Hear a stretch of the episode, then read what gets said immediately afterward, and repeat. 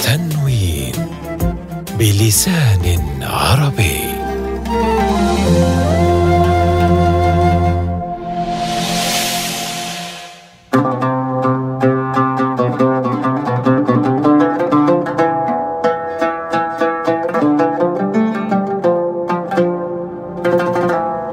ثم إن أهل العراق كثرت في ديارهم النوازل على مر التاريخ.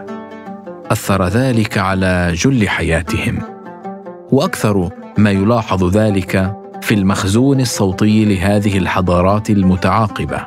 فقد أقاموا مدرسة يشهد لها في المقام العراقي وألوانه أصوله وفروعه وأبدعوا أيما إبداع في تواترها جيلا بعد جيل. ولهم في تلاوة القرآن أصوات لا مثيل لها ومدرسة خاصة من مدارس الإقراء تميزت بالتفرد والقراءة التصويرية كالحافظ خليل إسماعيل. لكن آذان العوام اعتادت قراء مصر على علو قدرهم الذين جالت حناجرهم بالقرآن بلاد العالم كله غربه قبل شرقه. ومن هذه المقامات العراقية مقام اللام وتركيبته فيها من الحزن والعاطفة ما يفوق مقام الكرد. وكأن الحزن المدفون في حناجرهم لم يكفه مقام الكرد. فأقاموا مقاما فيه من اللوم والعتاب فصار اسمه اللامي مقطع بطريقة التحقيق. إن الذين كفروا ينادون لمقت الله أكبر من مقتكم أنفسكم ۖ ينادون لمقت الله أكبر من مقتكم أنفسكم إذ تدعون إلى الإيمان فتكفرون. قالوا ربنا أمتنا اثنتين وأحييتنا اثنتين. فاعترفنا بذنوبنا فهل إلى خروج من سبيل؟ ذلكم بأنه إذا دعي الله وحده كفرتم وإن يشرك به تؤمنوا فالحكم لله العلي الكبير. مقطع بطريقة الترتيل. إن الذين كفروا ينادون لمقت الله أكبر من مقتكم أنفسكم إذ تدعون إلى الإيمان فتكفرون.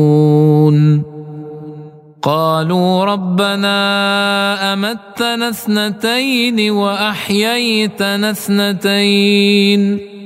فاعترفنا بذنوبنا فهل إلى خروج من سبيل؟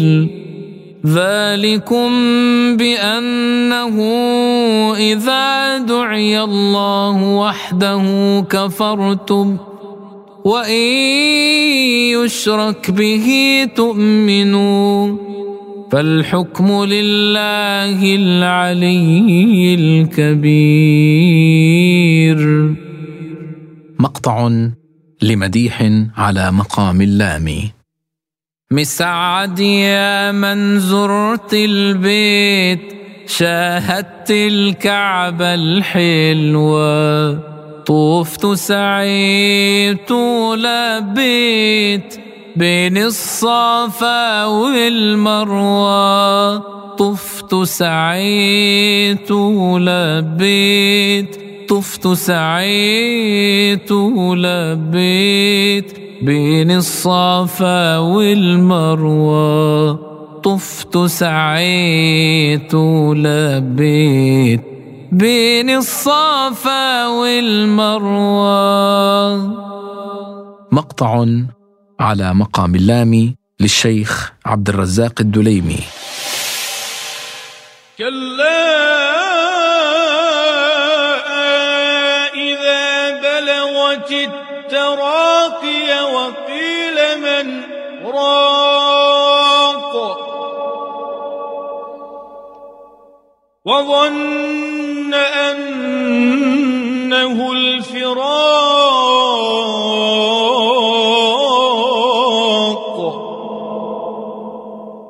والتفت الساق بالساق إلى ربك يومئذ المساق.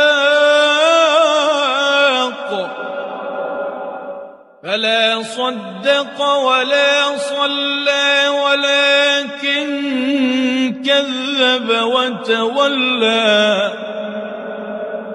ثم ذهب إلى يتمطى. أولى لك فأولى ثم أولى